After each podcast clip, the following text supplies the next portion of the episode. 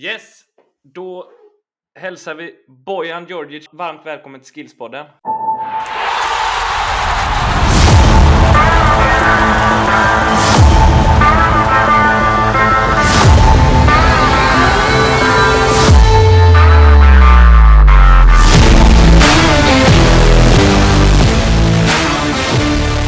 Tack så mycket. Det var på tiden att ni bjöd in mig faktiskt. Ja, Så jag- ja, nu, nu, nu ska vi se, nu ska vi se, Jag nu ska vi Jag se. vet, jag vet. Det var två månader sedan. Men det är lugnt. Jag är här nu. Det är det viktigaste. Hur mår du? Har du haft en bra helg? Ja, det har varit faktiskt bra. Mycket, mycket resande, mycket träningar, mycket sändningar. Men det är kul alltså. Jag klagar inte. Jag får energi av det. Jag jag får ju panik av att sitta hemma och inte göra ett piss. Men nu med både med fotbollen på ungdomssidan och sitta i TV och eh, göra min röst hörd så känns det att man, eh, man är på en bra plats. Alltså en plats som jag faktiskt trivs och är bekväm med. Ja. Ehm, jag trivs också väldigt bra. Eh, jag kommer från en väldigt bra helg. Ja, North jo, det, först, jo, det förstår jag. Därför jag inte vill prata med dig om det Ska här. vi prata Arsenal nu helt plötsligt? Nej. Nej men vadå helt plötsligt? Det handlar inte om helt plötsligt. Han vill ju få här- den här, du vet. Han vill ju få det här och ändå kommer de vara 15 poäng bakom Manchester City när säsongen summeras. Eller 15, då är det snäll. Ah, Alltså så. har väl gjort, eh, Haaland kommer väl ha gjort fler mål än vad vi kommer ha poäng i slutet, men det är inte det som intresserar mig. Vi, Nej men grattis, ni, det är inte är luftslott. Ja, det är inte luftslott längre. Ni är på en, Nej, en bra plats. Ni är på en bra Ja. plats. Mm. Så Och så Elfsborg igår, Anders. Ja, den var oerhört viktig. Den var oerhört det viktig. går bra för mina Ja, ja, klubbar. ja, du sliter lite. Men du, Bojan, Arsenal har inte mött City än. Nej, det är, det är väl bra det. För ni vet ju vad som hände när vi Ja. kom till Old Trafford och hade svansen men uppe. kom- Ja, det var lite naivt kanske. Det får jag väl ändå det Premier. League-podd? Men- Premier League-podd, vi kör! Ja, det hade varit bra. Det Men Anders varit bra. Nej, Southampton då, hur fan kan ni förlora mot Everton? Och då tar man ledningen dessutom. Det, Saknar Jo. Tesse. Eh, saknar, saknar mycket. Nej, det, det, det är typiskt Southampton. Så gör man jättebra resultat. Och man säger, fan, de har fått ordning på det och sådär. Liksom. Så Everton hemma, liksom, Everton knackigt. Eh, Lampard kan vara kvar. Det är ju liksom en, en, det är en match man ska städa av och ta en trea liksom, och verkligen haka på. För att, och så går man och torskar dem istället. Det, är, ja, det känns som det är väl lite Southamptons eh, signum det där. Att, Kan, kan ni gissa på att vilket lag som har släppt in minst mål i årets Premier League? jag kan säga att det är inte Liverpool. Nej, det här är en bra fråga. Minst. Jag var tvungen att kolla upp det här när jag såg det. Jag, jag tänkte bara, har vi gjort fel? Har jag, jag har räknat ut fel. Stämmer det här verkligen? Leeds, Vi pratade ju om Southampton. Vem möter Southampton nu? Everton. Har de släppt Ja. in minst mål? Va? Ja, du ser! Du ser reaktionen. Och nu kommer alla börja googla och tänkte bara, vänta nu, har Bojan rätt nu? Nej, han måste ha sett fel. Det är Everton. Kolla på det. Ja, det ska jag fan kolla. Ja, det ska jag fan kolla. Ja, men de har ju, de har ju Ja. inte tagit mycket poäng, men det är klart de kanske det har varit... Det har inte släppt in De har släppt in minst mål. Ja. Men Och den är ju den är ju sinnessjuk. Ja, det är den. Men För det är inte den- den känslan man får. Och det är Nej, det jag men- menar ibland också. Men tar känsla. Man går ju på känsla mycket. Så här, känslor. Ja, men så här, det kan inte vara så. Sen kollar man och man bara, okej. Mm. Jag vet hur många gånger jag fick räkna om deras resultat. Och jag tänkte bara, har jag missat något? Och de har gjort fel. Nej, de har släppt in minst mål.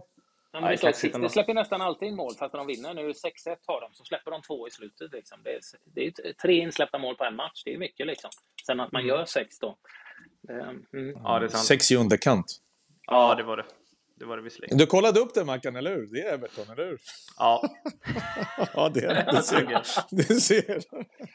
jag var tvungen. Ja. Du har rätt. Ja. Hörrni, ska vi släppa Skillspodden i, i, liksom för att vara schyssta mot eh, Sportbladet? Ja, absolut. inte ger dem eh, massa onödig konkurrens och sådär. Eh, det kan ju bli tajt. Men, men jag tror att de flesta vet vem du är Bojan. Jag, jag skulle vilja säga idag är du en, en eh, superproffs expert kommentator.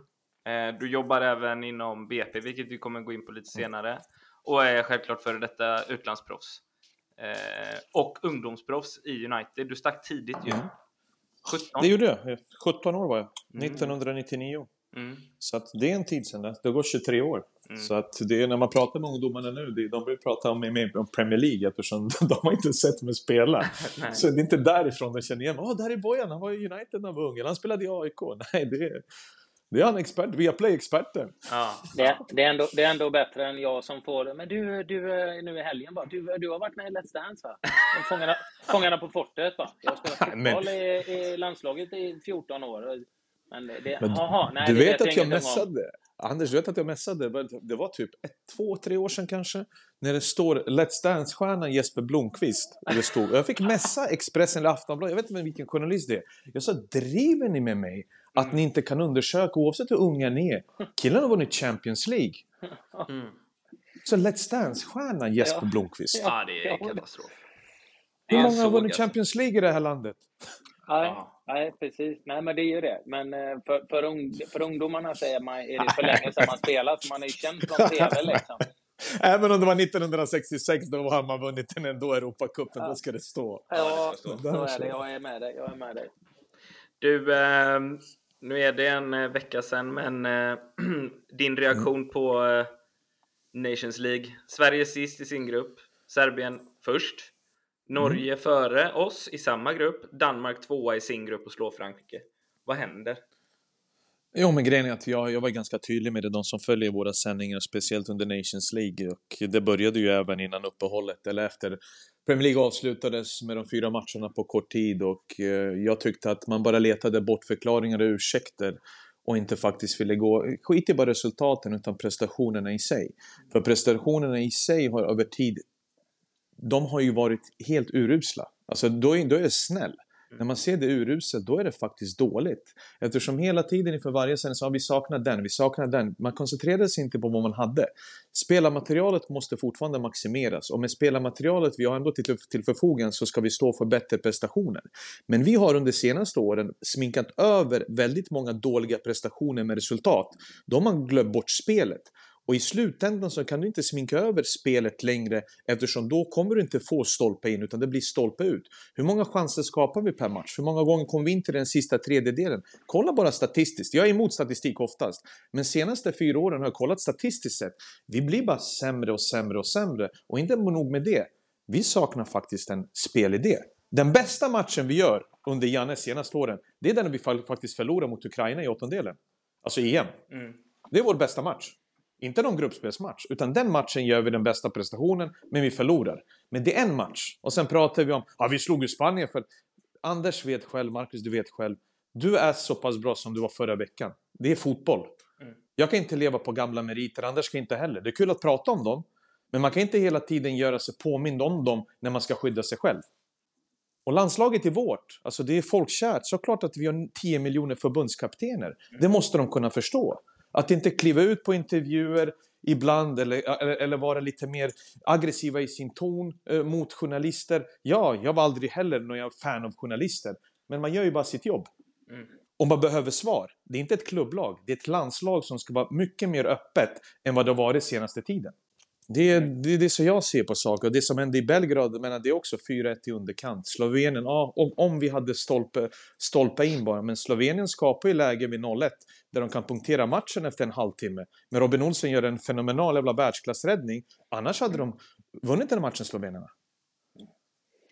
Ja, jag, jag, jag ska helt ärligt säga att jag stängde av i paus mot Serbien. Eh, valde att kolla på något annat. Jag, jag, jag tycker också det här är, jag har ju alltid älskat att kolla landslaget och sådär, men nu känner jag nästan, när det blir Nations League så känner jag bara, vad fan, är det uppehåll i Premier League och så vidare nu liksom? Jag tycker det är lite urvattnat. Jag fattar inte ens, vad kvalar man för? Kvalar man för att få en extra kvalchans? Och, Ja, jag, jag tycker det urvattnas eh, lite grann. Det är EM-kval, VM-kval, det tycker jag är fine. Liksom. Det, det är Men Anders, om du tänker så här nu. Om du tänker så här. Tänk att vi, vi åker ut, debaclet där mot Polen, playoffen, katastrof. Eller hur? Mm. Eh, Det var inte bra, det var en dålig känsla. Och sen tänker du, men det finns ju bra landskamper kvar som förberedelse inför EM. Åtminstone så gäller det mer än en vanlig träningslandskamp där du faktiskt möter landslag där du ska mäta det med. Det är inte grupp A, det är grupp B.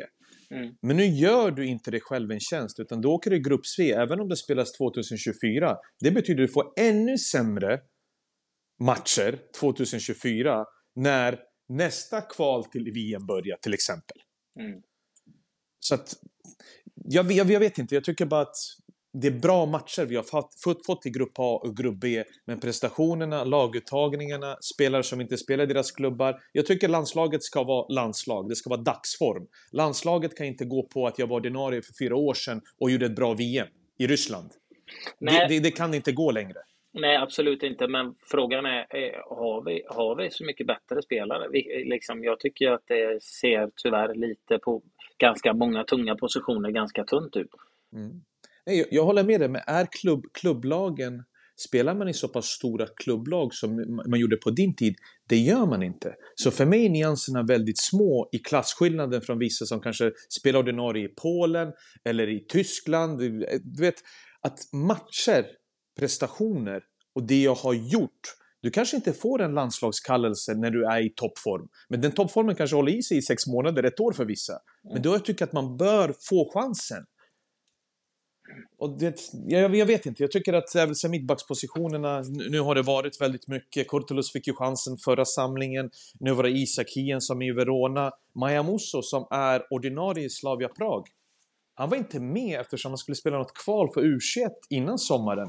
Och nu sitter han på bänken i två landskamper eh, och inte spelar från start. Det är det jag menar. Om du spelar ordinarie i Slavia Prag som gör det bra ute i Europa.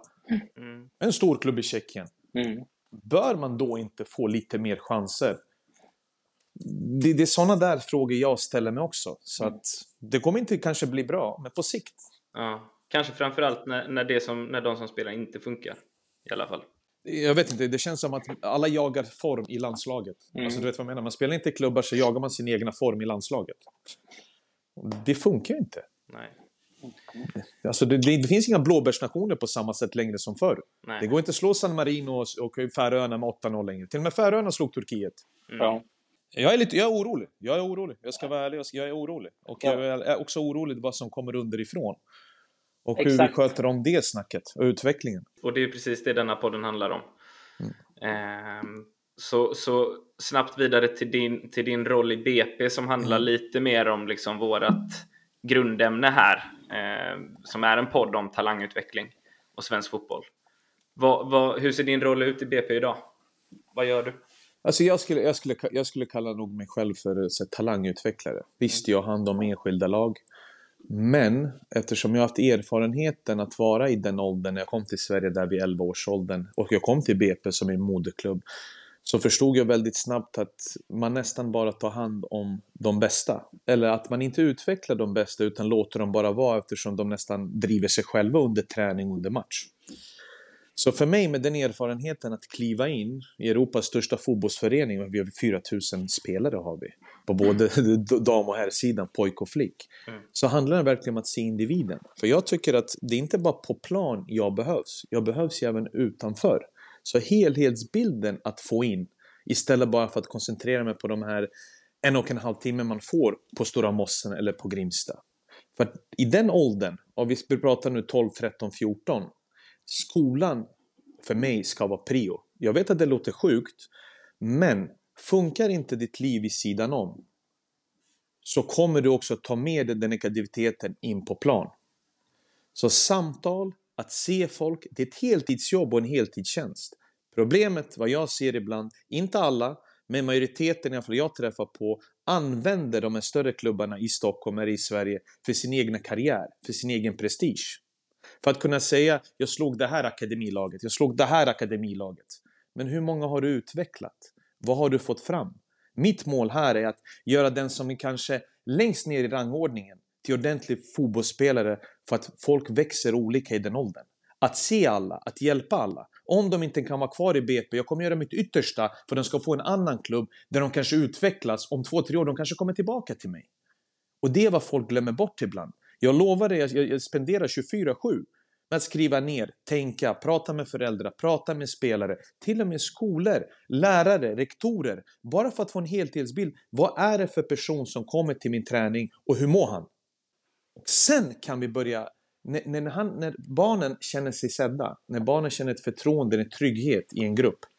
Det är då du kan trycka på, det är då du kan utveckla, det är då du kan komma med regler, ordning och disciplin. Samt detta... måste vara tuffare. Jo, men Anders och Marcus, de måste vara tuffare i sitt sätt att vara och säga vad vi står för. Mm. Varför vi hamnar i blåsväder i Aftonbladet som sist, vilket är helt sjukt att man bara skriver 39 artiklar och man tar ingenting positivt. Det är för att man inte vågar i dagens Sverige våga vara ärlig och tydlig med vad vi gör. Mm. Det att vi har en akademiverksamhet som den heter, ja, kalla det för elitsatsning. Men vi har också en breddverksamhet som är så pass mycket större än den här spetsen vi håller på med att utveckla. Hade man varit tydlig i sitt sätt, då hade man skyddat sig själv, skyddat, skyddat föreningen. För det är omöjligt att i en årskull där du har 24 lag ibland, hålla koll på alla och göra alla nöjda. Men du måste lyssna på alla och när det kommer klagomål så måste du hantera det. Även om det är lag eller spelare som du kanske inte satsar på i längden. Om ni förstår vad jag menar. Mm. Det är stort jobb. Vi har legat uppe i toppen med Malmö länge. Men nu kommer det här kritiska, det är att man är så känslig för kritik.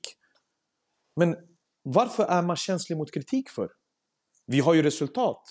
Vi har ju ledare, vi har ju folk i klubben nu som faktiskt representerar det goda. Varför trycker vi inte fram dem? Varför hyllar vi inte dem och berömmer dem? Utan man stänger in sig så fort man får kritik och hittar på bortförklaringar, ursäkter varför det blev fel. För att man är rädd att folk ska tycka illa om det. Det kommer de ändå göra. Folk har sin uppfattning om Brommapojken oavsett vad jag säger eller inte. Folk har det. Det är väldigt svårt att förändra folks bild av Brommapojkarna om de redan bestämt sig att det vi gör är skit. Ja. Låt mig koncentrera på de som vill vara kvar där. Som mm. vill delta och faktiskt tycker att BP gör saker rätt. Vad är det du själv känner är, är som, som har felat? För är det kommunikationen där eller är det... Kommunikationen. Ja. Det är inte, inte 90-talet längre när jag började spela. Du vet, med sociala, med sociala nätverk, sociala medier, alla kanaler göra sin röst hörd. Du kan skriva på Facebook, Twitter, Instagram och sen blir det en stor nyhet. För kunder inte gör det. Folk var tvungna att gå till kansliet, knacka på, ringa på en hemtelefon, ringa till kansliet för att prata med någon. Nu är du exponerad, nu är du mer öppen. Och då måste du hitta din tid ifall du jobbar inom en klubb för alla. För alla, inte bara de här som bäst och de här kommer komma upp till A-laget. Oh, han är grym, oh, vad snabb han är, vad stark han är, vad teknisk han är. Utan även breddlagen måste delta för att känna sig. Vi får inte göra så att varenda lag känner sig som egen klubb inom en så stor förening. Vilket jag får känsla ibland att det har varit i BP. Och det är väl ganska svårt att inte göra det när det är så utspritt också, när det är så många, du säger 24 mm.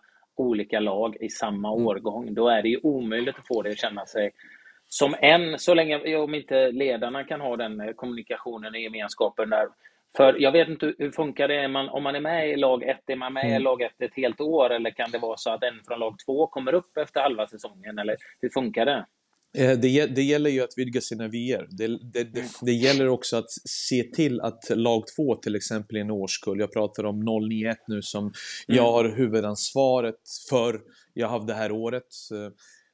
Det gäller att jag får ta med lag två också. Att kunna se dem träna, att kunna inte, att jag inte behöver lita på andra och säga men han är okej okay, eller han är bra. Jag vill se med mina egna ögon. Och jag mm. vill, alltså mitt mål i framtiden, ifall jag är kvar, ifall jag får, jag får fria händer, det är att faktiskt involvera dem ännu mer i mina egna träningspass. För att de ska känna sig sedda, att de får en morot. Men också vara tydlig med att vissa måste man flytta på. För man märker ju att när de inte får spela så tappar de i sin utveckling. Det är inte lika kul att gå till träningen fyra gånger i veckan om du vet att du ska få spela 20 minuter på en lördag eller söndag. Det kan det inte vara. Men man måste vara försiktig eftersom barn är sköra. Vet ju själv när de går i skolan. Äh, BP-kläder, AIK-kläder, Hammarby-kläder, Djurgården-kläder. Vad spelar du? Spelar du lag 1? Nej, du spelar lag 4. Du är sämst. Du vet, barn är ju så. Barn är hemska ibland i den åldern. Så att för egen prestige, att man faktiskt förklarar genom självförtroende, trygghet, för att kunna ta steget kanske utanför akademin, för att hitta tillbaka sen. Men så, min, min bild på, på eh, BP är ju, eh, utifrån, utan att ha in, mm. insikt i hur det fungerar, det är ju liksom att all, alla får vara med, men du är med på den nivån du är. Och jag eh, antar att, här eh, tar jag för givet att med den eh, kunskapen och erfarenheten och historien som BP har, så har man ganska duktiga ledare mm. som också kan se saker. Och jag jämför för med andra klubbar som också försöker med det här liknande, men som jag upplever då, man tittar i Göteborg som gör väldigt, väldigt mycket fel i förbundet, kan vi ta på, på eh, eh lite senare om vi mm. hinner. Men jo, just det här som, nej, som jag upplever, har du, allting handlar ju om att ha bra, vettiga ledare. För jag, jag tar mig själv som, som exempel. Eh, många tänker, jag upplever tränare här i Göteborg som tänker väldigt kortsiktigt om att vinna nästa match och istället för att utveckla ett spel, utveckla spelarna. Och går du i ung ålder på att vinna kortsiktigt så går, räcker det egentligen att du går ganska mycket på fysik. De som är större, de som är starkare, de som är snabbare. Men har du vettiga ledare liksom som kan sättas ändå få de här spelarna som har en del boll i sig men kanske inte har utvecklats fysiskt eller motoriskt liksom helt hundra ännu. Jag tar mig själv som exempel. När jag var liten, och då har Magnus Persson som du själv vet är som spelar i. Djurgården mm. mycket. Han var ju typ fullvuxen när han var 12, 13, 14 år liksom. Och jag var typ 1,47 när jag var 13 liksom. Mm. Eh, han var ju gjuten i landslag och, och, allt sånt där. Jag var inte ens på en stadslagsuttagning. Men jag hade bra ledare som lät mig utvecklas. De såg ju mina egenskaper och kvaliteter jag hade och jag var i en miljö där jag kunde utvecklas fastän jag då eh, fysiskt kanske låg efter. Och det är där jag upplever att många, i alla fall här i Göteborg, att man kväver de här. De får inte vara med, de som skulle kunna bli bra, de som ligger lite efter, men som jag ser kanske kan utveckla andra egenskaper för att de faktiskt är lite långsammare, för att de är lite mindre. Så de utvecklar ju andra egenskaper och sen när de växer till sig så kan ju de gå förbi.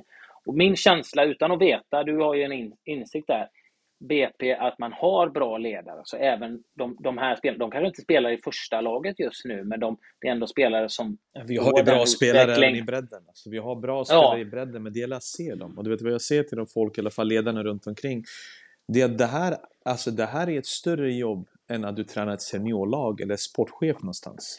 Att jobba på ungdomssidan, mm. det är sånt ansvar att vara en förebild, att vara en ledargestalt, att vara en trygg punkt. Du är som en extern, extern hjälp till familjen nästan. Mm. Så man måste ju bortse, där, exakt, bortse från sig själv. Bortse från de här kortsiktiga resultaten, bortse från de här lyfta troféer, visa att vi har vunnit. Det kommer senare. Det är fint att lära sig vinna, det är fint att jubla, det är fint att sjunga. Det är också bra att när de förlorar stora matcher att de lär sig hantera den bördan också, för den kommer komma senare. Och vi måste ju förbereda barn mentalt på just den dagen när de här sakerna händer. Det är vad man glömmer bort det här när man tar bort tabeller, räknar mål. Barn vet allt. Fan, jag skrev i en bok varenda jävla match jag spelade, varenda mål, varenda assist. Det gör alla fortfarande. Ja, de har järnkoll. De gråter De har mer koll än vi har. Tabeller. Ja, ja, gud, de har stenkoll. Men det är ju det, jag tänker liksom som jag upplevde själv mycket i Göteborg och klubbarna. Liksom, det var så viktigt att vinna och vara bäst mellan 10 och 15. Mm. Vi ska ju få dem att utvecklas för att de ska vara som bäst när de är liksom 20 till 35. Det är då vi ska ju liksom, och jag känner bara att det är, men där antar jag då, i och med att BP har så många lag och jag antar att de har bra ledare i, i, i de flesta, flesta lag som jobbar tillsammans på ett bra sätt. Och jag är ju jag är för det här med, med att man tagit bort eh, tabeller och mm. sånt upp till en viss ålder. För just det här, du får den här tidiga selekteringen. Då väljer man ofta på de stora mm. fysiska. Men då har vi gjort men, fel. Då har vi gjort fel i att vi har satt fel personer på alltså fel positioner. Det är det jag menar. Ja, det är inte barnens precis. fel. Det är, de lider nej, för nej, vuxnas nej, misstag. Barn lider alltid för vuxnas misstag. Och varför är det så mm. för? Vad är det för folk på de här maktpositionerna i våra förbund, i våra klubbar, som väljer hela tiden folk som är som svansar bakom, som vågar inte säga någonting. Mm. Han är bara glad att han är där. Han gör sitt jobb, han är bara glad, han bryr sig inte. Och barnen lider. För att vi håller på. För att vi tänker på vår egen ficka, vi tänker på vår egen jävla framtid, våra egna positioner. Ja, jag är där, okej, okay, då ska jag ta mina grabbar här som kommer bakom mig, då är jag trygg i min position. Varför kan vi inte utmana varandra? Ingen säger någonting längre. Och så föräldrar, ledare som vill liksom, ja, när jag var tränare då vann de serien när de var 10-11 år och jag var, de vuxna ser det för sig själva liksom istället för att jag har pratat mycket med föräldrar. göra det bästa. För, jag, ja. de, vet, många har blivit väldigt negativa. Göra. De kommer, ja ah, men det träningspasset, det var låg intensitet eller den här matchen. Vet du jag sa till dem? Vet du, så här mycket negativitet har jag aldrig hört hela mitt liv. Aldrig! Och den negativiteten sprider sig såklart på barnen som är som svampar. När de ser det missnöjd, när de ser det negativt, det är så de är. Om jag är negativ hela tiden, det är min spegelbild av mitt lag. Mina spelare kommer bete sig på det sättet. Det här är inte seniornivå. Seniornivå, jag är hemsk. Jag vill bara vinna till varje pris. Det finns ingenting som kommer stoppa mig. Vi kan spela grisfotboll, vi kan vinna med 1-0, vinna allsvenskan. Jag har vunnit allsvenskan. Men nu har jag ett helt annat ansvar när jag pratar om ungdomarna. Och där måste mitt lag vara min egen spegelbild. Att lära dem rätt saker i rätt tid. Oavsett hur skickliga de är. Och det är vad många glömmer bort också. Du måste markera i början. Du måste låta folk med en erfarenhet vara på ungdomssidan. Vet du också, folk som inte har prestige. Folk som faktiskt är nöjda att vara på den platsen och den positionen. Folk som inte hela tiden siktar uppåt. Som tänker ah, ett år här, sen ska jag gå någon annanstans. Två år här, sen går jag någon annanstans. De behöver kontinuitet. Ska du förändra en röst i ett omklädningsrum när du är 12, 13, 14 varannat år, vad får du ut av det? Nej. Men det här, eh, en, annan, en annan eh, nöt, om man ska säga, det här med nivåanpassning, för det där är jag ju helt för. Och där har de ju ändrat sig i förbundet lite grann. De har ju pratat om att man ska absolut inte göra någon nivåanpassning, inte ens på träning. Men nu har de ju börjat vackla så ska de gå in och göra sådana där, de, de går alltid eh, till sin spets liksom. Jag menar, du vet ju själv om man inte nivåanpassar träning till exempel i en breddförening som vi har, vi har inte 24 lag utan vi har ju ett, ett och samma. Men du vet ju själv, du kör, spelar liksom eh, eh, två mot två eller om du ska göra en passningsövning så har du någon som ligger långt fram och så de som ligger gigantiskt långt bak. Alltså, det är ju det är inte utvecklande och det är, inte, det är ingen delaktighet för någon. Där har de ju varit tidigare, liksom, att det är helt emot nivåanpassning. Vi läser mycket artiklar om det. Nu börjar de ju liksom svänga det där att det är viss nivåanpassning. Men varför har vi olika divisioner då? Alltså, om det inte är någon anpassningsnivå, varför har vi olika divisioner då? du förstår vad jag menar? Ska alla spela i samma ja, liga? Har, Nej, men, det, det, men det, i, i, i, Göteborg har vi inte det. Där, här har vi ju, där måste ju alla spela i samma nivå som eh, lag. Så att, vi, vi, ska inte gå in, för jag känns som jag har pratat så mycket om eh, ja, min ilska mot Göteborgs fotbollsförbund, så att vi ska ja, inte gå in jag, på jag det. är samma här, men, Nej, men lyssnar inte Anders. Jag, jag förstår inte i Nej. Sverige, det handlar inte om att man kliver dem på tårna. Fan, när du har en Anders Svensson, med alla de här jävla landskamperna du har gjort. Folk har inte gjort så många seriematcher som du har haft landskamper. Att man inte kan ta ett möte och sätta sig ner och prata. Vad kan vi göra? Vilka kan vi ta i den här gruppen? Vi kommer fortfarande ha våra positioner, men vi vill lära oss, vi vill utveckla. Men de sätter käppar i hjulet. De ser mig som något svart får som hela tiden ska hela tiden säga saker som är negativa mot dem. Det är nästan som att att jag, vad ska jag säga till dig? Det är nästan som att jag vill åt dem. Nej, jag vill att ni ska bli bättre. För att jag vet, jag har varit där. Ni måste lyssna på folk som har haft en erfarenhet från ungdomssidan upp till senior. Där behöver du ta hjälp. Du behöver inte stötta bort dem och tänka oh jävlar vad jobbigt, nu ska han prata om oss igen. Ja, det, ta bort honom, eller det, försök tysta ner honom. Det är därför vi befinner oss det... i det här läget 2022. Ingenting har ändrats. Och det är det jag är inne på, men jag vill ju också gärna hjälpa till. Jag vill inte vara där och kritisera. Jag har ju mina tankar och åsikter, men det är ju inte att jag vill liksom... Det är inte så att allt vi har gjort är fel. Liksom, tittar du kollektiv, lagmässigt, så är vi ju jättebra, men Tittar du individuell utveckling och hur, vi jobbar med talangutveckling så, så, ligger vi långt efter övriga Europa. Det är min åsikt. Liksom.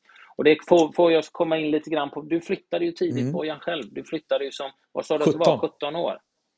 När, och då hade du varit i Brommapojkarna som man ändå får säga är ja. en av de främsta eh, ja, ungdomsföreningarna i, i världen. Och i Sverige är väl de som eh, kanske är de som jobbar bäst med, med talangutveckling. Ja, jag spelade ju, alltså jag, var ju, jag, jag är född 82, så jag spelade med 82 som var ju bäst i Sverige, men inte i sin närheten lika bra som 81 till exempel, där jag också spelade. Jag hade Peter Kisvalodi som tränare och även Per Jonsson som agent. Men eh, din jämförelse när du flyttade från B? Det var stort. Det var, det var chock. Jag, kommer till, jag kom till Manchester United, jag tänkte jag, jag är klar. Du vet, jag kommer ut på, då tränade på The Cliff, gamla träningsanläggningen, första sex månaderna innan man flyttade till Carrington som är nuvarande träningsanläggningen.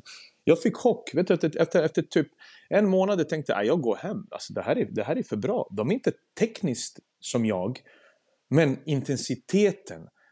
De svettades knappt. Jag var sist på jag var till och med bakom målvakterna. Alltså du vet, inte så att jag hade världens bästa kondis ändå. Men intensiteten i allt det de gjorde, det här start, stopp, vänta till rätt läge, eh, använda fart hela tiden. Vet, det gick så snabbt och man var, man var utmattad. Alltså jag kände mig som en orienterare. Jag som ändå kunde startstopp här, tänkte jag. Men utvecklingen där borta, vad jag fick på mm. sex månader. Det är den utveckling, hur jag utvecklades under det året när jag tog tag med samman och lyssnade, gjorde allt, tänkte okej, okay, men gå igenom, gå över den här smärtröskeln bara. Det kommer bli bättre. Du har tekniken, du har det här, du har drivet, du har huvudet. Tappa inte den här chansen. Träningen bedrevs på ett helt annat sätt. Det var kortare träningspass, det var mer intensiva träningspass, det var utvecklande träningspass. Men också när man är 17 år där borta, det är som att det, det, du är proffs. Det här kollektiva faller helt hållet bort det man lärde sig i Sverige. Utan den starkaste överlever. Du är ensam Anders. Du får vänner tack vare att du är faktiskt bra på fotboll. Det är som du gör i skolan nu till exempel. Alla ringer, ja, vill du komma ner, vill du spela? Det var på samma sätt där. Ingen sa ens god morgon till mig i början. För att jag var inte där. Men så fort jag började utvecklas, så fort saker och ting började stämma för mig, då blev alla mina bästa vänner. Det är som att acceptansen är att okej, okay, men du är bra nog. Jag förstår varför du kom från Sverige för att ta våra jobb nästan. Du tar mat från mitt bord. Ja, men li lite så. Du måste, du måste visa dig förtjänt av deras respekt. Liksom. Det, är så Nej, det, det gick. Men... Alltså, sämre spelare som knappt spelar mm. fotboll längre eller spelade League 2 som max, till exempel senare. Mm. De gick ju som tåget. Det var som X2000. Mm. På gamla goda tiden. Och jag tänkte, hur fan är det möjligt? Är det sån här stor skillnad? Mm. När jag kommer från Sveriges bästa lag till exempel, en av Sveriges bästa spelare i den mm. årskullen. Ska det vara så här stor skillnad? Vad är det vi håller på med i Sverige då? Att inte kunna komma upp till den intensiteten. För vi har tekniskt bättre spelare, funktionell teknik nu. Bra på alla. 6-7-åringar kör ju tricks. Vad hade vi för tjockisfinten? Hade vi någon över, översteg? Det var wow. Nej men ärligt, det var wow. Tvåfotare, det är två led, tvåfotare, man går mot varandra. Men det var ju... Nu är de så mycket mer framåt och då måste vi in med den intensiteten väldigt tidigt för att lära dem rätt. Alltså fotbollskondition är helt annorlunda än stämpla kontroller i skogen. Jo, det, där har vi ändå närmat oss. Mm. Fast det går för långsamt känns det som. Utvecklingen går för långsamt för att närma oss Europa. Anders, om jag, kommer tillbaka, om jag kommer bara tillbaka till eh, alltså, Stockholm här.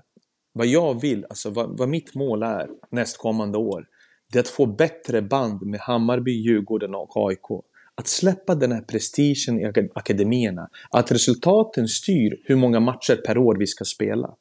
Hur ska vi bli bättre om vi spelar två matcher per år mot varandra? Hur ska det bli bättre för de här spelarna du vill utveckla när de hela tiden ibland får möta sämre motstånd, när det blir nästan tvåsiffriga resultat vecka in vecka ut och sen när du åker utomlands på turneringen så får du en chock.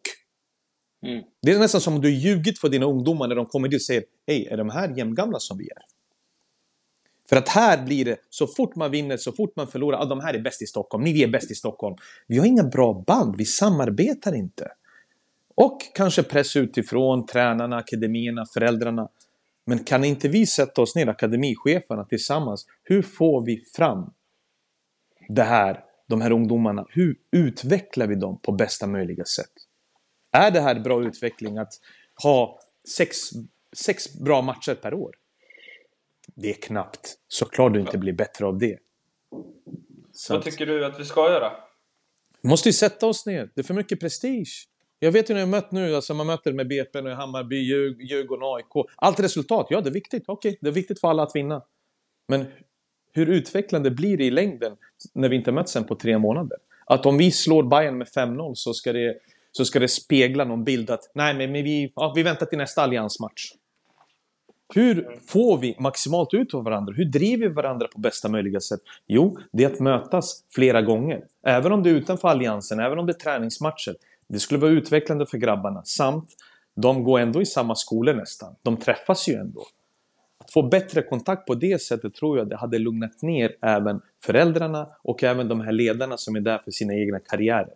För man hittar hela tiden andra sätt att kanske vinna på, att utvecklas på så man triggar igång varandra ut, ut, utanför den här bekväma zonen som många befinner sig i.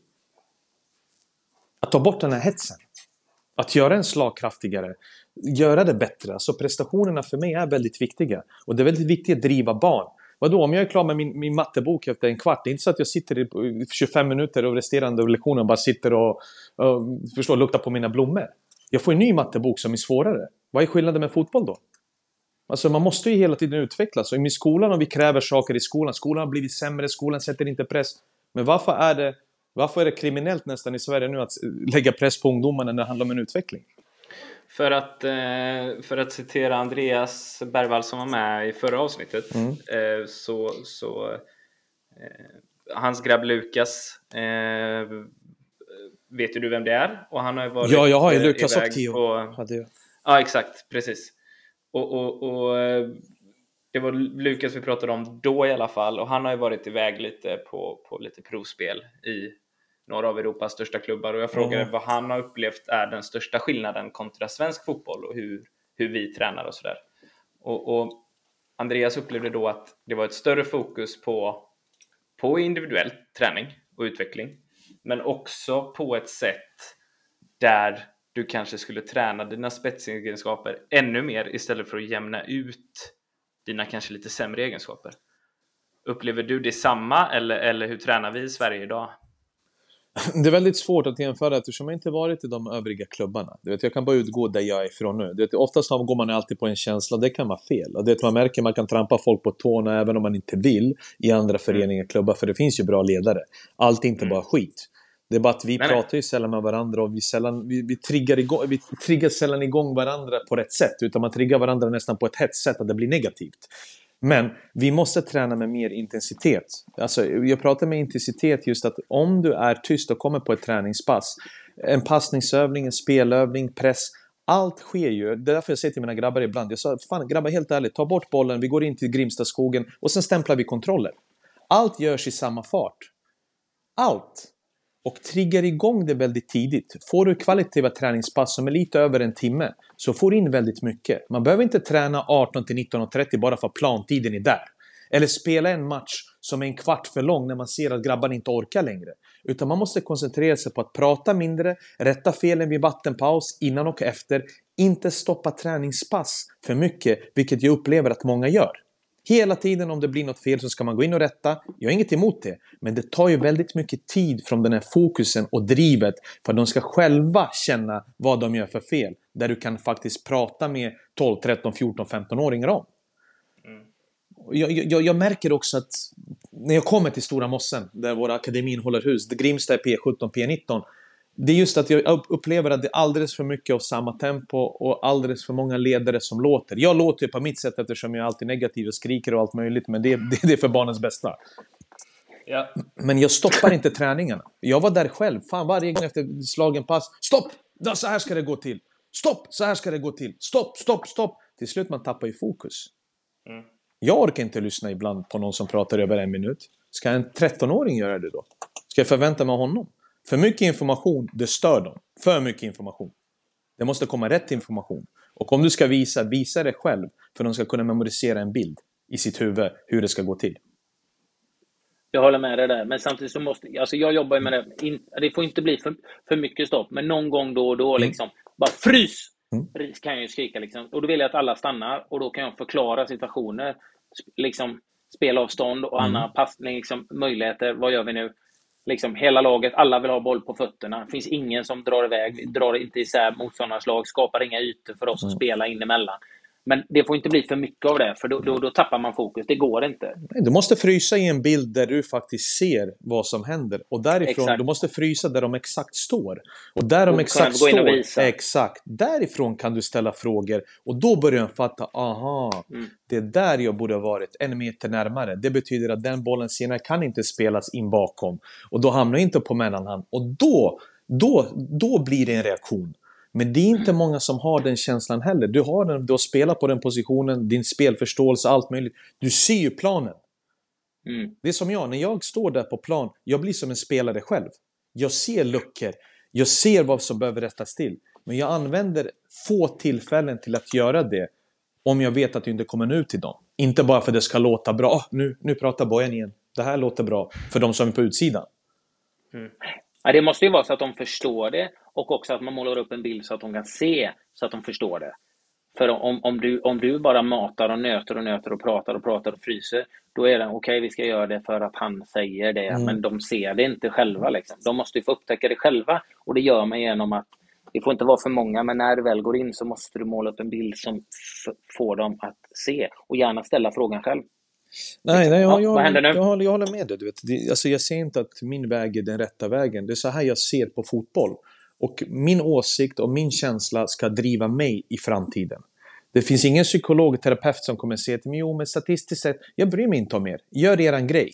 Jag har varit med ganska länge i det här gamet så att jag vet vad jag behöver och vad mina spelare och individer behöver. Inte bara på, även utanför plan för att bli bättre. Det här är bara ett sätt för folk att tänka till på. Jag avfärdar inte de andra som tänker, som tänker helt tvärt emot. Jag kommer lyssna. Jag kommer kan ta diskussionen. Men jag kommer aldrig ändra mig. Nu när jag är 40 år, hur jag ser på fotboll och vad jag vet vad de här barnen behöver. För jag var det där själv. Jag håller med dig. Till, till, till, till, jag, jag, jag gillar, det är därför jag gillar sådana diskussioner med dig och även med, med, med andra liksom, som är ledare och som ser fotboll. Jag, jag har ju mitt sätt att se det, men jag skulle aldrig säga att jag har 100% rätt mm. i alla fall, för det har jag inte. Däremot, liksom, jag kan ändra mig. Jag har en syn. Men så kanske du säger en sak, ja men om man tänker så här och så här. Ja, fan det har du rätt i. Då kan jag justera. Alltså min grundidé, hur, hur jag vill jobba och så, finns ju där. Men det är därför jag tycker det är viktigt att ledare kommunicerar med varandra. Mm. För det är alltid, du kan ju få mig, liksom, även om vi tänker lika mycket du och jag Bojan, så kan du ha en viss annan, då kan jag säga, fan det där gör Bojan bra liksom. Och där menar jag att då kan jag ändra mig i mitt tankesätt. Och det är också ett utvecklande, för du har varit i vissa klubbar och du har jobbat på ett sätt och du har sett saker och jag har an sett andra saker. Så tillsammans, det är det jag menar, att vi som svenska ledare och mm. vi som vill väl för svensk fotboll sätter sig ner och diskuterar för att faktiskt komma tillsammans bra till så bra lösningar som möjligt. Alla har inte rätt hela tiden, men här är det ju, det är lite som du var inne på tidigare, det blir, och jag är också ute och kritiserar en mm. del, det är inte så att jag vill döma ut svensk fotboll, för det finns mycket som är så otroligt bra. Men tillsammans med att lyssna på personer som dig, som mig och, och andra, så kan bli ännu bättre, men det är lite grann att vi vill inte lyssna vi vill inte kommunicera med varandra och, och tillsammans förbättra det. Man, hör, det är... man hålls borta från de här finrummen för att det är nästan som att de vet att det här är lite för mycket kunskap och erfarenhet för att man ska blotta mig på min position. Och det är det som stör mig. Och det är bara sanning. Och lite för starka åsikter också då. Både du och jag har ju ganska starka åsikter. det här är rätt. Är inte för att vi du vill... tänker på barnen. Ja, det... Jag har ingen prestige, ja. jag har ingen prestige, jag behöver inte det här. Men jag gör det från hjärtat, jag vill deras bästa. Därför är jag där varenda jävla dag. Jag kan komma med kostym ibland från sändning bara för att jag vill vara där.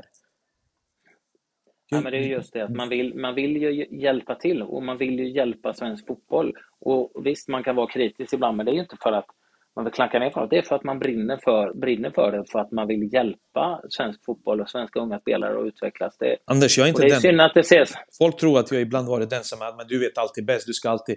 Absolut inte. Tvärt emot. Jag kan prata med folk med ännu mindre erfarenhet, folk som inte ens sparkat en boll, men som är ledare i min klubb. För det finns kanske någonting jag kan plocka ut därifrån. Jag kanske inte är lika skicklig tränare som dem. Jag är bra på att motivera. Jag är bra på att se individen. Den individuella mm. biten. Att gå till en spelare som jag vet mår lite sämre. Eller dra ner en spelare som har flugit lite för mycket för att få lite för beröm vid sidan om. Jag är bra på att se de sakerna. Sen mm. finns det ledare också med mindre erfarenhet som jag kan sätta mig ner och faktiskt ta till mig lite av deras information också. Det är de här små grejerna hela tiden, att man inte tror att man är bättre än alla andra. Det är långt ifrån min... Det, är långt ifrån min tanke med det här. Mm. Men vi pratar ju sällan. Du vet vad jag menar? Det är som att ja, jag, jag är på den här sidan, du är på den här sidan. Ja, men skit i dig. Du har fel, jag har rätt eller tvärtom. Och så kommer vi inte ta det här framåt. Så du är också inne lite på att, att för att förbättra svensk fotboll så, så är det liksom inte fundamentalt med större resurser utan göra det på ett annat sätt bara. Vet du vad som är i, Stock i Stockholm behöver vi större resurser. Man tränar på 25% plan. 25% mm. plan, 33% i bästa fall. Och sen går du ut på en lördag och sen ska du spela 11 fotboll. Och sen tänker de, varför är de så nära varandra? Varför spelar de på kvadratavstånd? För de får ingen utrymme, det är inga ytor. Hur kan vi bedriva en seriös verksamhet där du slåss om plantider? Där du delar plan med sex lag, där bollarna kommer in till mina områden eller tvärtom. För att de kommer ut från ett spel eller en kvadrat eller en passningsövning. Det händer inte någon annanstans. Vi tänker inte, de säger de tänker på barn, ni gör inte det. Fotbollen, alltså, alltså sporten någonstans, alltså, fotboll, jag kan prata om fotboll. Du har hamnat nästan så här plan B.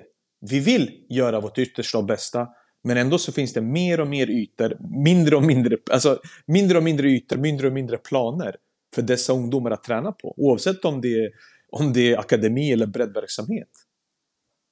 Det är väldigt svårt. Allt är smålag, smålag.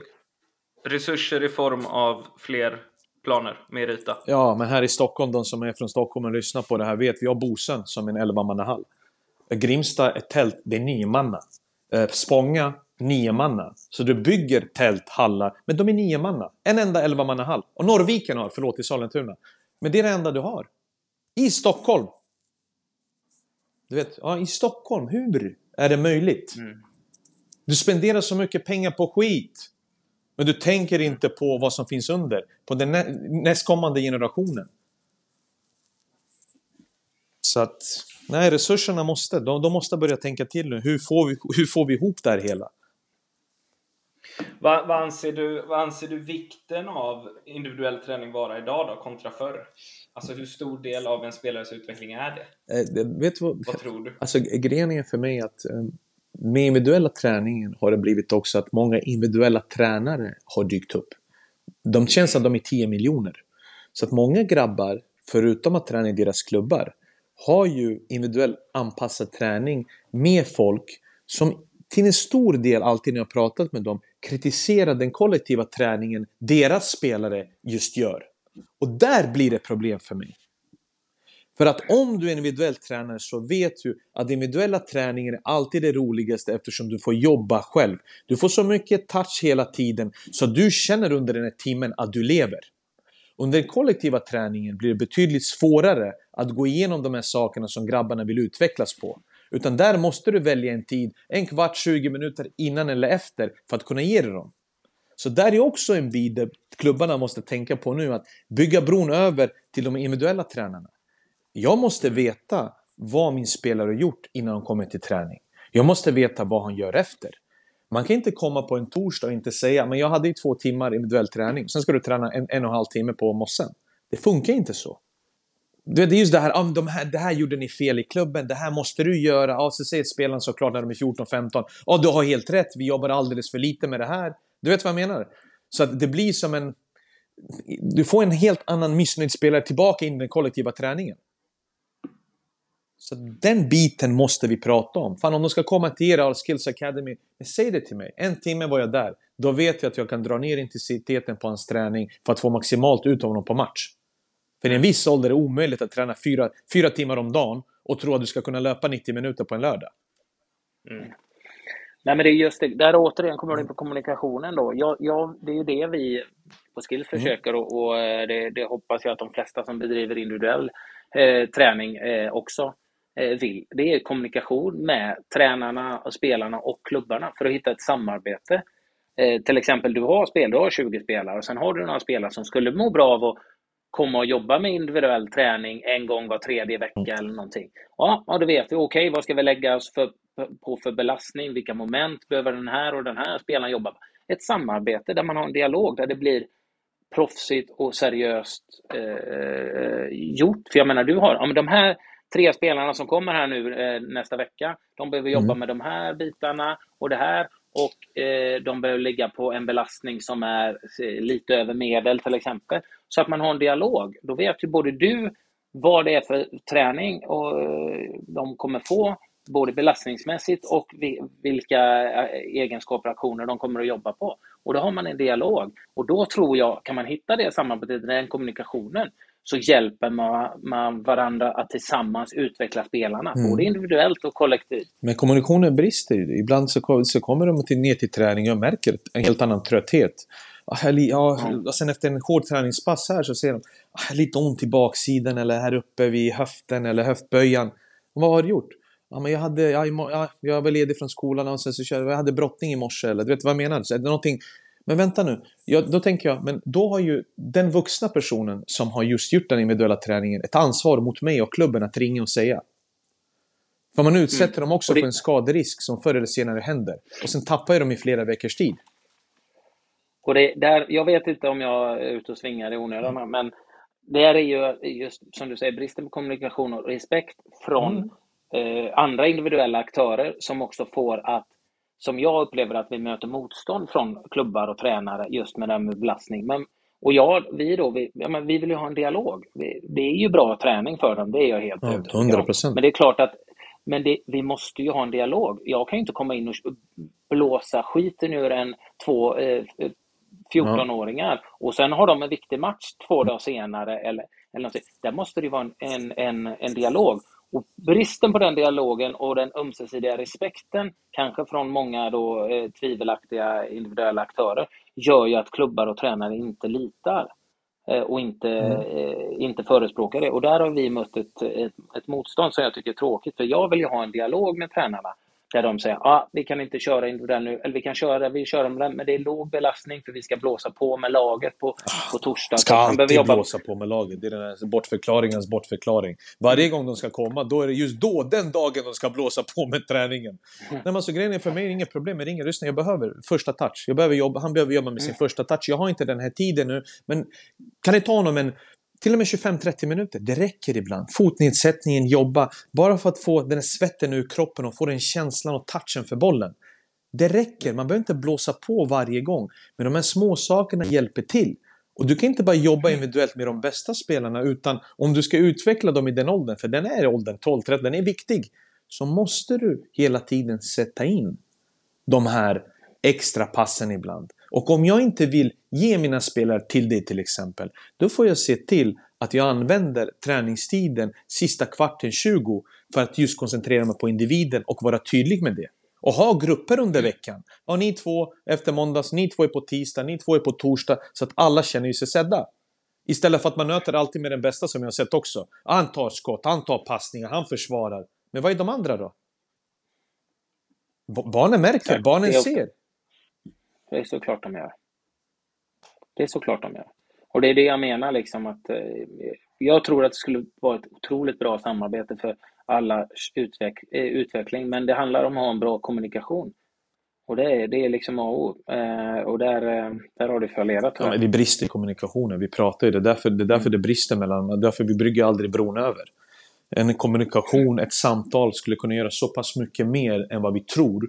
Men vi tar ju sällan, sällan, det blir obekvämt. Och obekvämt i Sverige, nej, vi skiter i det. Det är för obekvämt. Vi, vi kör på vårt. Ja. Ingen ifrågasätter mitt jobb, position. Jag har varit här på förbundet i 79 år, men det är lugnt. Jag kör på fortfarande. Och tror att det är 1929. Alltså, du vet. Nej, men man, man, blir, man blir förbannad. De tror att man gör det för sin egen skull. Det jag har pratat om, när man har gjort allt, när man inte har någon prestige. Det är sådana där de behöver inte vara rädda för. Det är sådana där som vi faktiskt utveckla och vara där, vara där som hjälp. Men skicka iväg mig på någon pojkland, pojklandslag junior som resurs. Tiden har ändrats. Eller Anders, se bara hur det är. Att man känner sig delaktig. Jag är inte ens delaktig i Stockholms fotbollsförbund. Jag har till och med problem med dem. De är tre pers på ett kontor i Solna på Västra vägen. Du vet, hur ska vi ta det framåt? Om du inte visar mig den respekten jag tycker att jag förtjänar med allting jag har gjort. Hur fan ska jag då visa dig den respekten tillbaka när jag känner mig som svarta fåret fortfarande? Det funkar ju inte. Mm.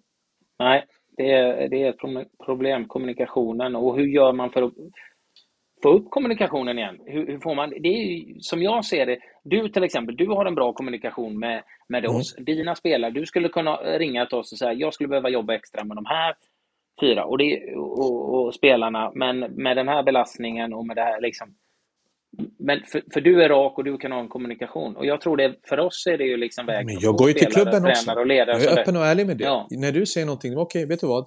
Jag tar det med Erik Engberg, vår akademichef, och Peter Kleve som är eh, vår högsta hönset nu, som har, som har tagit över. Eller Filip Berglund som är ny sportchef för A-laget.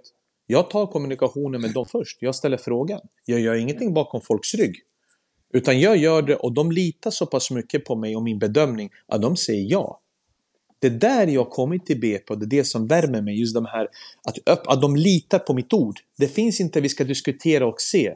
Utan de ser att fan har ändå varit där. Han har haft den erfarenheten. Det han säger, hans bedömning, måste jag lita på eftersom det är för klubbens bästa. Det enda jag gör är för klubbens bästa. Ingenting för mitt. Och det är ju den, det där det brister också inom klubbarna. Att man kommer med rätt idéer så blir det så nej vänta, vänta lite tag. Nej, vi väntar lite. Vi tar det här efter säsongen. Eller det är inte läge nu, det är mycket.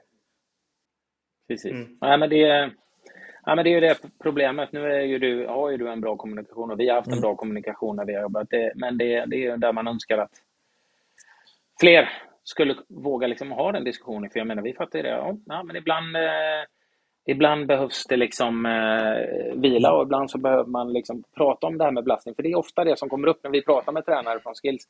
Kan liksom komma och hitta ett samarbete. Bara, nej, men de ligger på så hög belastning, det, det, det, det går inte. Och, och de är oroliga, oroliga för belastningen. Och då kommer väl säkert de här erfarenheterna som du pratar om det här att man, eh, man har kommit en träning och man är helt slut och du har ingen aning. Vad har du gjort? Ah, men jag Mm. jobbade med en Mm. individuell tränare som mamma och pappa Mm. fixade i helgen. Vi körde två pass på två timmar styck Mm. var. Liksom. Ah, Okej, varför har jag inte fått den För han ska få en informationen, 500 i liksom? fickan och sen kasta skit på varenda Ja. klubb de har va- varit delaktiga i. Ja. Och han har själv spelat, han spelar själv i division 6 norra. Det, blir alltså... Det, Ja, och fem, fem, 500, 500 spänn är nog snällt. Ja, men Jag alltså, jag tror- säger bara så. Jag tänker bara på Rödingen, det, är liksom. Balkan-grej, så Rödingen. Nej, men, ja, men du vet hur det är. Och liksom, istället för att göra det, gör det med professionellt. Liksom. Jag skulle gärna vilja, nästan tillsammans med förbundet, eh, skaffa en licens för, för, för oss som bedriver individuell utveckling så att det är seriöst eh, granskat av förbundet och att det är liksom, eh, krav från föreningar och sånt på hur våra instruktörer sköter sig, vilken nivå och just med sånt här med kommunikation och samarbete med klubbarna och ledarna. Nästan få in en licens där. För då kanske det skulle bli mer öppet att man accepterar och, och faktiskt samarbetar med det, precis som man samarbetar med gym och, och kostrådgivare, mentala tränare och fystränare så kan man samarbeta med tekniktränare liksom, på ett sånt sätt. Men jag hoppas att vi når det så Ja, småningom. vi är mästare på att gå på ytan. Det är sällan att man dyker in djupt. Och varje gång man dyker in djupt Mm. så, så tänker jag att man fastnar där nere. De dränka in alltså. Man kommer inte upp till ytan. Man, man är fast där nere på botten. Jag tänker grabbar, Man är alltså, jag dök in här själv. Men ni sa samma saker som jag, men ni är fortfarande där uppe och lite oroliga för era jobb. Alltså, jag förstår det ibland. Men hur fan ska vi ta det här framåt om vi inte kollektivt jobbar? Vad svensk fotboll alltid gått ut på, eller idrott, det är det kollektiva. Men det blir inte kollektivt när vi inte hjälps åt. Då är vi ju egna företagare inom våra klubbar. Ja, vi är bäst, ni är bäst, vi har, ja, vi har certifiering för SEF här. Men vem fan bryr sig? Det är fint att få det, att man vet att man gör saker rätt. Men hur gör vi varandra bättre och slagkraftigare så att i framtiden vi kan fostra landslagsspelare? Där vi alla kan vara stolta och nöjda över. Att alla vi kan Exakt. klappa oss för Och att- bröstet. Vi har, har gjort det här tillsammans. Vi har hjälpt till att utveckla svensk fotboll Ja. tillsammans. Precis. Men det är det, vi måste ju få in folk i, liksom, i... Det känns som det är lite förlegat i de som bestämmer, de som har makten. Och de vill inte tappa makten, så de slår gärna bort. Vi var inne på det innan. Det känns som... Och jag, jag förstår inte det liksom. Jag har ändå spelat 148 landskamper. Jag har varit med två VM, tre EM-slutspel. Jobbat med förbundet i så många år. Man önskar att jag kanske är självgod då, eller har för höga tankar om mig själv, men det känslan är att de skulle vilja lyssna på personer som, som mig och liksom som har gjort den resan. Du har gjort den resan också. Du har ju varit i större klubb, klubbar än mig, eh, inte spelat så många landskamper. Men alltså, man, lyssnar man på folk som faktiskt brinner av engagemang och som dessutom har en del liksom, eh, tyngd att lägga bakom sina ord liksom, och lyssna på det istället för att hålla fast vid de här gamla som håller varandra om ryggen och, och inte vill se någon förändring. Sverige är fortfarande... Om inte de får vara med och bestämma Sverige som själv. land är fortfarande... Vi svenskar är fortfarande väldigt förbannade på det för du träffade stolpen mot Senegal. Det ska du inte glömma. det, det, Det är 20 år sedan, för det fan, det kan vi släppa det Det nu? är, det är jubileum nu. Det är nu så. Ja, ja, Det var jubileum. Det tas upp igen nu. Jubileum! 20 år sedan snurrfinten och i stolpen. Du hade varit en trevlig gäst tills nu Ja, början. jag tyckte att du Men eh, du vet, sänk, det här sänkte är... nivån här Alltså, nu. jag, alltså det här är jävla El Hadji Diouf alltså. Jag drömmer fortfarande mardrömmar om El Hadji Diouf. Men, men. Det var kul att påminna om Ja. det här i alla fall. Ja, jag var- oerhört glad att fortsätta den här podden. jag känner jag verkligen. Nej, men vet du vad som är grejen? Men Anders sa en bra grej där. För att när han pratade just hur han var eh, som ungdom. Han var inte med på någon stadslagsuttagning, det kom ju väldigt sent. Jag var ju sån som var med från dag ett i allt. Stadslaget, kapten, pojklandslaget tillsammans med Kim Källström junior. Jag missade inte, jag och Kim missade inte en enda samling. Vi spelade varenda landskamp, upp till U21. Och där ser du två personer som har gått helt olika vägar för att nå en viss framgång. Och Anders stod där senior, senior ännu fler steg längre än vad jag gjorde. Då har du två historier, två versioner att det går att lyckas. Och att två sitter i samma rum och pratar just om deras erfarenhet från ungdomssidan och ingen ändå vill lyssna. Då är det, då är det någonting fel på oss. Och det är ju det som är intressant också, att all, alla, alla är inte gjorda för att gå på samma sätt. Jag tror inte jag hade haft det mentala eh, självförtroendet och den mentala kraften att, att flytta eh, tidigt och lyckas som du gjorde. Jag tror inte jag hade löst det. Och det, det är ju det jag menar, alla är olika. Som Kulusevski nu gick tidigt och lyckas. Det krävs en enorm mental styrka att göra det. Men det som oroar mig är att folk kanske tänker att det är enda vägen för att vi är för Mm. dåliga här i Sverige på att ta vara på våra talanger. Så att de, de försöker gå utomlands. Men det krävs ju... Det är nog enklare Alltså, nu. Tittar på Det är dem som mycket enklare nu Anders. Jag lovar dig att komma som jag gjorde 17 år, det var ju, det var in, ingen, ingen har hört om den. Kolla på hur många Nej. som åker nu till mindre klubbar runt Italien, Jo. Tyskland, allt möjligt. Kolla hur många agenter bara det finns. Och hela tiden är det ett väldigt Jo, jo, driv. Allt har förändrats, förändrats enormt. Det är så mycket enklare att få någonting där man krigade, nästan pissade blod för att nå. Det var en dröm. Men nu kan ju folk också med en sämre kvalitet och sämre rådgivning nå någonstans utomlands men ändå tappa bort sig själva för det blir svårare väg att komma tillbaka. Den biten Fast också. jag, jag tror den... Ja, absolut är det lättare att komma. Det var inte så lätt att komma ut i, i din ålder, eller när du, när du kom ut. Men det jag säger att det krävs något extraordinärt mentalt att klara det. Flytta i den åldern själv och liksom det mentala som du säger. Det var ju inte, det var inte så att du var välkommen och de var kompisar med dig där och bjöd in dig för att du visade vad du kunde göra. Jag var redo. No, och, och så, är det ju, så är det ju fortfarande. Du måste ju komma, även om det är lättare att komma, få chans att komma iväg nu och få, få, få provspela och sånt där, så är det fortfarande samma förutsättningar när du kommer dit, att du måste visa det. Du måste visa och prestera. Och det är inte många, jag säger det, du klarar det mentalt, Dejan Kulusevski har klarat det. Jag tror inte att jag själv hade varit redo i den åldern och klarat Men du det ser, mentalt. folk vill inte lyssna på den. Det är också väldigt intressant att just prata om den biten. Att sätta sig i ett rum och förklara. Två personer som har samma idéer, samma tankar kring fotboll, har gått helt två olika vägar. Och mentalt var helt annorlunda i en viss ålder. Det är att man kan lära sig av båda historierna hur vi kan forma dem till att bli så pass bra som möjligt. När de kommer upp till en viss Mm. ålder när fotbollen måste vara det primära. Där man måste ju satsa för att nå någonstans. Och inte vara rädd för att säga det. Så att den biten, jag kollar på BP nu, jag funderar på okej, vi har alltid varit en klubb som utvecklar, fostrar och sen går de väldigt tidigt. Sen hur kan man behålla dem till exempel ett eller två år till i A-laget? Och sen ge dem ännu större plattform att komma utomlands. Och kanske kosta ännu mer pengar så att klubben kan tjäna på det. För man måste tänka på båda sidorna. Varför till exempel höjer inte de här större klubbarna spelarna, de mest talangfulla spelarna i en viss ålder som är 16-17, när de kommer upp till A-laget, varför höjer man inte deras lön? Om de har varit fostrade av klubben så tycker jag de förtjänar en lön som är värdig. Och en lön som visar på att klubben tror på det. Istället för att få de här lärlingskontrakten där du kan knappt köpa ett busskort. Istället för att ta in avdankade föredettingar eller gå utomlands för att köpa spelare på högre löner. Att ge dem en morot att kunna stanna ett eller två år till i ett A-lag. Om du förstår vad jag menar. För det är stora skillnader när man kommer upp till ett A-lag från de egna leden än att de tar in nästan en jämnårig spelare från andra delar i Sverige eller utomlands. Så det, det är någonting jag alltid tänkt på. Varför ska till exempel en Wilmer Odefalk i BP's A-lag tjäna 50% mindre och spela varje match än någon som kanske sitter på bänken men som har haft en karriär? Du vet vad jag menar? På så sätt kanske man hade kunnat behålla om Lukas Bergvall nu väljer att lämna. Man kanske hade behållit honom ett år och spelat i, i Allsvenskan. Eller kommit överens med den utländska klubben.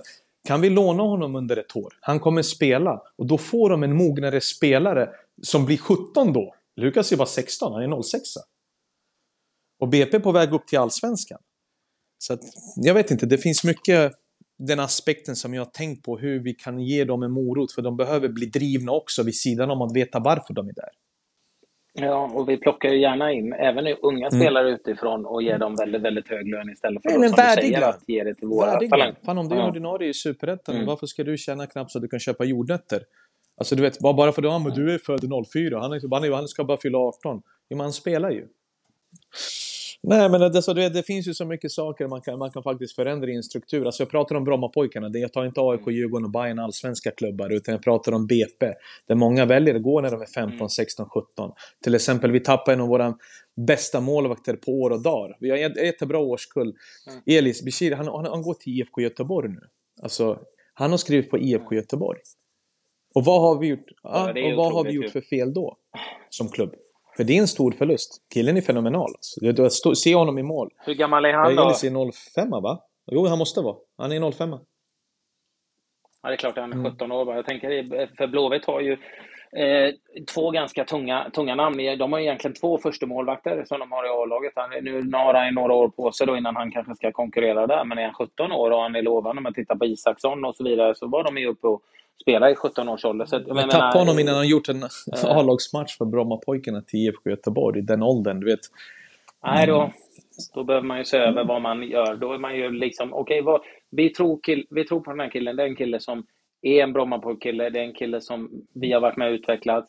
Det är klart som fan att han ska ha, eh, han ska upp och hur gör vi då? Ja, men vi ger han en värdig mm. ersättning så han har råd med både Jo, jo men det, det, är just det här att man tappar så att man kan inte bara säga, ja men ibland så slinker de undan. Nej, inte när du har haft någon i din klubb sen de, sen de var i blöjor. Så måste man se till att man Nej. faktiskt ser potentialen i någonting man inte haft tidigare. För BP har alltid varit bättre på utespelare än målvakter. Och Kristoffer Nordfeldt har ju varit där. Mm. Men den här killen kan nå väldigt långt och han utvecklas ju hela tiden. Alltså för mig som aldrig varit målvakt som är bollrädd, att se honom i mål i den åldern. Alltså det är så här, ja, vi spelade P17-match, han stod mot AIK här för någon dag sedan. Ja, du vet, jag säger, det här är en vägg. Alltså det jag, jag vet inte hur vi ska förlora. Alltså du, du, du, du förstår inte, det var som senior målvakt som spelar med barn. Och det, det är också den här fördelen med att ha en kille som har gått hela vägen liksom, i klubben. Det är när han kommer upp, det är inte bara att han gör det för sig själv, för det är hans klubb. Liksom. Och har man då gett tillbaka och visat vad, vad, vad, vad man känner han betyder för oss, så kommer han också få ännu större hjärta för klubben. Nu väljer han då som 17-åring att gå därifrån. Det är, ja, det är, det är hjärtskärande, liksom. speciellt nu som BP ändå liksom, eh, är på väg upp i allsvenskan. Jo, och sen är såklart den biten vi pratade om tidigare också, att med föräldrarna, dialogen, kraven, eh, ja. den politiska aspekten som är utanför plan. Det alltid ska vara alltid politik, politik om inte en son spelar. Där måste man också vara tydlig med föräldrar och faktiskt försöka hjälpa till. Jag tycker inte bara, bara för att man är anställd och Brommapojkarna jobbar här. Man ska kunna jobba för de här ungdomarna även utanför när man ser att speltiden brister i. Han har någonting i sig. Han är driven. Vi måste kunna hitta en annan miljö för honom där han kanske kan komma tillbaka eller utvecklas och bli ännu bättre. Gå till ännu större klubb. Men att inte tappa dem på vägen. Och det är just den här biten som är väldigt viktig. Den är jobbig, för det krävs tid. Det krävs mycket nerver. Men du måste kunna lägga ner den tiden för att faktiskt få ännu bättre bild. Och det är den bilden du måste skicka ut till de övriga i Sverige. Att vi tänker inte bara på oss. Vi tänker även på spelarna som faktiskt rör sig utanför vår klubb. Men det behövs ju resurser där och det behövs rätt folk på rätt positioner. Och alltså, återigen, folk som inte har prestige, folk som inte tänker på sin egen karriär. Utan folk som vill faktiskt jobba med den här biten för jag brinner för den. Jag brinner för den eftersom jag var i den åldern överlägsen, gjorde fan vad jag ville. Jag var ingen bra lagkamrat. Jag var ingen, men det var ingen som markerade på, och var hård mot mig. Utan jag visste även i den åldern när jag var 13-14 att fan, jag har klivit över den här gränsen nu. Men det är ingen som puttar mig tillbaka och säger Bojan, det här du gör nu är fel. Utan jag testade och testade. Och jag klarade mig eftersom de behövde mig. Men jag gjorde inte mina lagkamrater bättre. Och det är vad jag försöker göra nu. Det är att faktiskt lära ut den bilden och berätta till dem i den åldern hur jag faktiskt var. Inte ljuga och leka att jag var någon förebild i deras ålder. Utan visa ett exempel på hur man inte ska vara om man befinner sig i en position, i en maktposition redan då. Och den är väldigt viktig. Och den bilden måste man skicka ut. För att man ska få tillbaka ännu mer. Och det tar tid alltså. Det har, vi har varit här över, det har gått ett och ett halvt år, men det kommer ta ännu mer tid. Alltså på ett och ett halvt år har jag kanske rört mig ett steg framåt, men det är fortfarande framåt. Jag säljer inte dimma. Många säljer dimma. Alltså förstår du? De, säljer, de pratar, pratar, säljer dimma och tänker vad fan, det händer ingenting. Krävs tid. Absolut, absolut. Jag pratar med sådana som Andreas Bergvall och de övriga, så jag ringer ju deras söner. Jag pratar ju med dem. Och även med Premier League. Ena tyvärr håller på Arsenal, den andra United. Lucas United, Theo Bergvall i Arsenal. Alltså, okay, men lilla Charlie Nildén, Nildéns son, han, han är också AIK i grunden, spelar i BP. Alltså du vet, att få, att få känna om sedda, Fredrik Nissen som är uppe i A-laget, alla mina spelare som jag haft, alla har flyttats upp. Men jag tar mig tiden. Det kanske inte hela tiden, men fan när jag sitter på kvällen ibland så pratar jag, ringer föräldrar, kollar. Det skapar en trygghet, det skapar ett lugn som sprider sig senare. Mm. Men man behöver såklart tid och man behöver faktiskt bry sig på riktigt och inte bara snacka skit på Twitter. Mm. Så är det. Engagemanget är ju... Oh. Utan engagemang då kan man fan lägga ner. Alltså. Det är helt ärligt. Har man inte glöd, har ja. man inte hjärta, har man inte driv, är man inte en människa. Låt barnen vara istället. Förstör inte barnen. För oftast är vi vuxna som är de största bovarna i allt det här. Ja, men jag tycker det, liksom, det är det man vill ju, dels med folk med en enorm kunskap och en fin bakgrund som du har och, liksom, och dessutom ett engagemang. Det hoppas man ju att förbund och så vidare ska ta vara på. Det är ju en resurs som man kastar bort. Man lär sig väldigt mycket, du vet ju själv. Med tiden så lär man sig väldigt mycket. Mm. Man får en ja, erfarenhet, man får en lugn. Och som jag sa till dig när vi började podden, att jag befinner mig på en bra plats. Jag känner att jag har tillräckligt med kraft och förtroende i mig själv. Att jag kan faktiskt ge dem det de behöver. Och du vet ju också vad, vad du gjorde som var bra, vad du gjorde som mm. du kunde gjort annorlunda. Liksom. Du har en enorm erfarenhet som, blir ännu, som man blir mer, mer och mer klarsynt ju, ju äldre man blir. Ja, jag har inget problem att man har en röd tråd inom föreningen och det är fint på mötena och det är punkter vi ska förhålla oss till och alltid guld och gröna skogar och allt det här. Men vet vi måste ju verkställa det här på plan också och utanför. Det handlar inte bara om ett mötesrum, att vi går igenom saker som är bra. Vi måste ju kunna ställa obekväma frågor till varandra. Jag skulle vilja att mina tränare runt omkring besitter med bara jag tycker det här du gör är fel. Eller varför gör du på det här sättet? Att man ifrågasätter varandra på att utveckla varandra och få varandra till att prata. Och det är också en, det är också en grej vi måste bli bättre på. För man blir väldigt känslig mot kritik. Kritik är en del av den här sporten. Del av idrotten, del av livet i allmänt. Jag vill ju att folk ska säga till mig om de tycker att jag har klivit över en gräns. Inte vara rädda för min reaktion. Och det är oftast vad jag får. Du har väl aldrig klivit över någon gräns? Nej, fy fan. Jag har inte svarat på någon gräns någon gång. Enda gränsen jag klev över, det var till Sverige. Enda gränsen. du, Anders. Ja? Vill du ställa din, din uh, stående fråga? Ja! Som, som, uh, Min stående fråga blev, vi har pratat mm. så mycket så att uh, nu kommer det väldigt viktigt mm. Bojan. Det här kan... Det här svaret kan förändra min bild av dig för all framtid, ska jag säga. Så känn, känn ingen press. eh, eh, rondo eller kvadrat, rektangel. Eh, du vet vilken ja, övning jag pratar om. Eh, för eller emot? Jag är för. Men sen är, ju, sen är ju frågan hur man använder sig av den. För jag tycker i Sverige så spelar vi på helt fel sätt. Man står ju still, man jobbar inte linjen, man kommer inte in i mitten. Oh, utan rond rektangel eller kvadrat använder du som en keephole. Där jag vill att spelaren ska känna en kreativitet, att man kan faktiskt kliva in mellan de här två. Boom! Röra sig, byta positioner, plats. Att man får en intensitet i sitt passningsspel och ett rörelsemönster där man hela tiden måste tänka. Där i Sverige, man äh, slår med de jävla, försöker en tunnel och alla garvar. Jag hatar det. Jag blir förbannad. Om du kollar på mina kvadrater rektanglar, det är, det är soldater. De gör det nu, men det har tagit tid för dem att förstå. Att hjälpa varandra hela tiden, minska avståndet, komma närmare, lämna på ett, gå igenom mitten.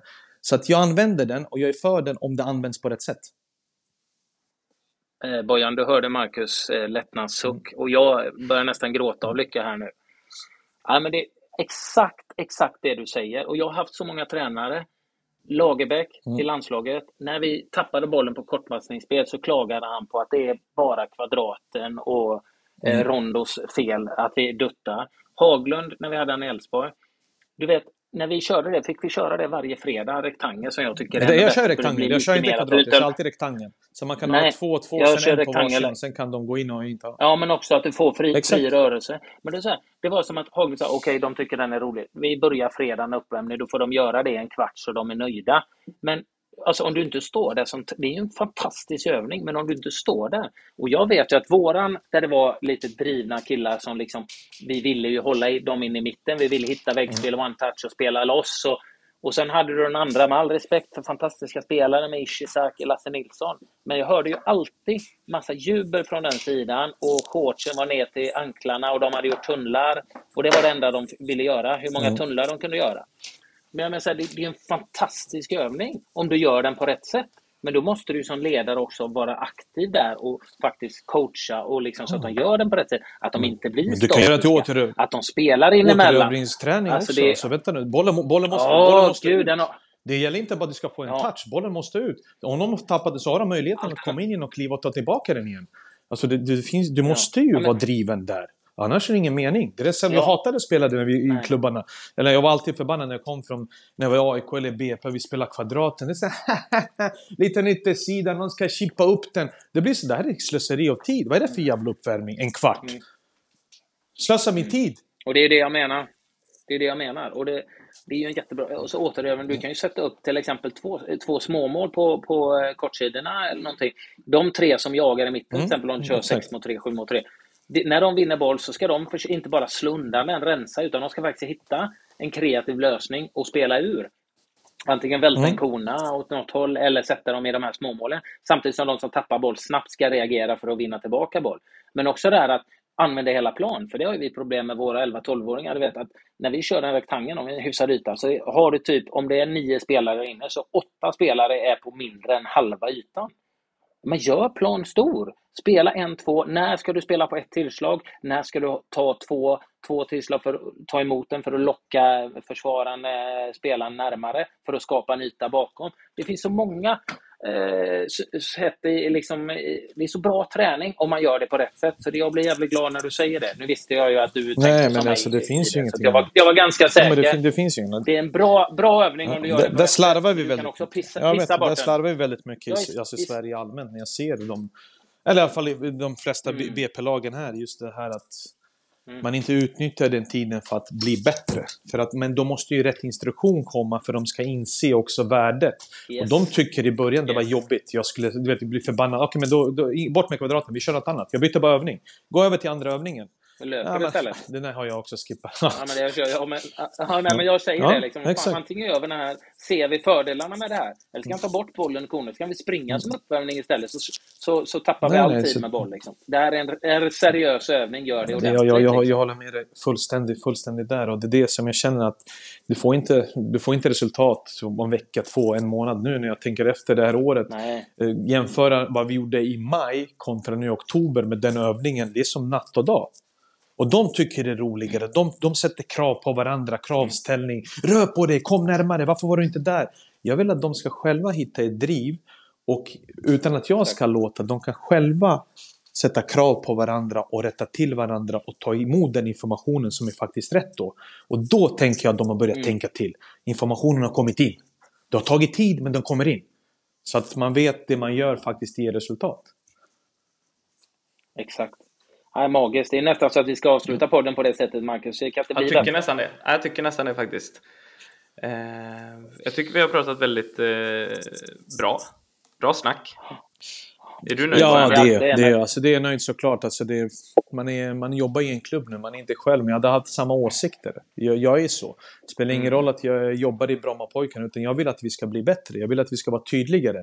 Jag vill att vi ska vara tydligare utåt så att folk förstår i Sverige vad, vad vår verksamhet går ut på. Jag vill inte ha 49 röster som jobbar i en och samma klubb som kommer med olika, olika idéer eller olika åsikter. Det blir inte bra. Pratar vi med varandra, vi är inte så många på kansliet ändå. Men låt oss sträva mot samma mål. Ja, och, och låt det blåsa. Men det kommer inte blåsa eftersom vi står ju på samma sida. Det, som är, det är det viktigaste, primära. Helt ärligt, alltså vuxna måste faktiskt ta ett litet kliv tillbaka och låta ungdomarna växa. Mm. Det är för mig viktigt. Ja, jag är med dig. Jag är med dig. Du, eh, kommenterar du eller eh, jobbar i studio torsdag eller Eh, söndag? jag, jag åker... Arsenal borde ja, vi åker ner till Malmö eh, på torsdag. Torsdag kör vi från Malmö direkt och sen spelar Djurgården borta i Belgien direkt efteråt. Så att svenska lagen ute i Europa så har vi alltid sändningarna på plats. Ja, just det. Ja, just det. Djurgården och Malmö det är går före Arsenal, så det måste du väl förstå.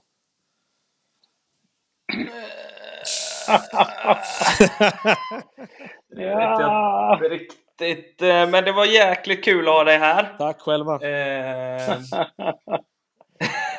Nej, men jättetack eh, Bojan för att du ville snacka lite med oss. Eh, mycket bra synpunkter och, och bra snack. Engagemang, du, fantastiskt. Enga ja, men ja, det är, ja, vi har ju träffats och pratat många gånger, Bojan. Och man, man får energi av dig och man Mm. hör ditt driv. Du har en enorm erfarenhet eh, och eh, nej, som sagt, framförallt det jag tar med mig. Jag, man får energi, man blir glad av att prata med dig och du brinner för det. Och jag eh, önskar mer folk som dig inne i, eh, i svensk fint att eh, höra. fotboll. gärna Men det kommer från dig såklart att det är väldigt fint att höra. Så att man tar alltid emot eh, komplimanger, man är alltid tacksam när det kommer från folk som har levt ens dröm som du har gjort med VM och EM och allt möjligt. Och när det kommer från dig så, så betyder det ännu mer. Inte för att jag avfärdar om din bror skulle ge mig komplimang utan Det är bara... Det är Ja, okej att göra det. Keep up the good work. Vi hörs Det boys! gör vi. Ta hand om Tack er. Vi hörs snart.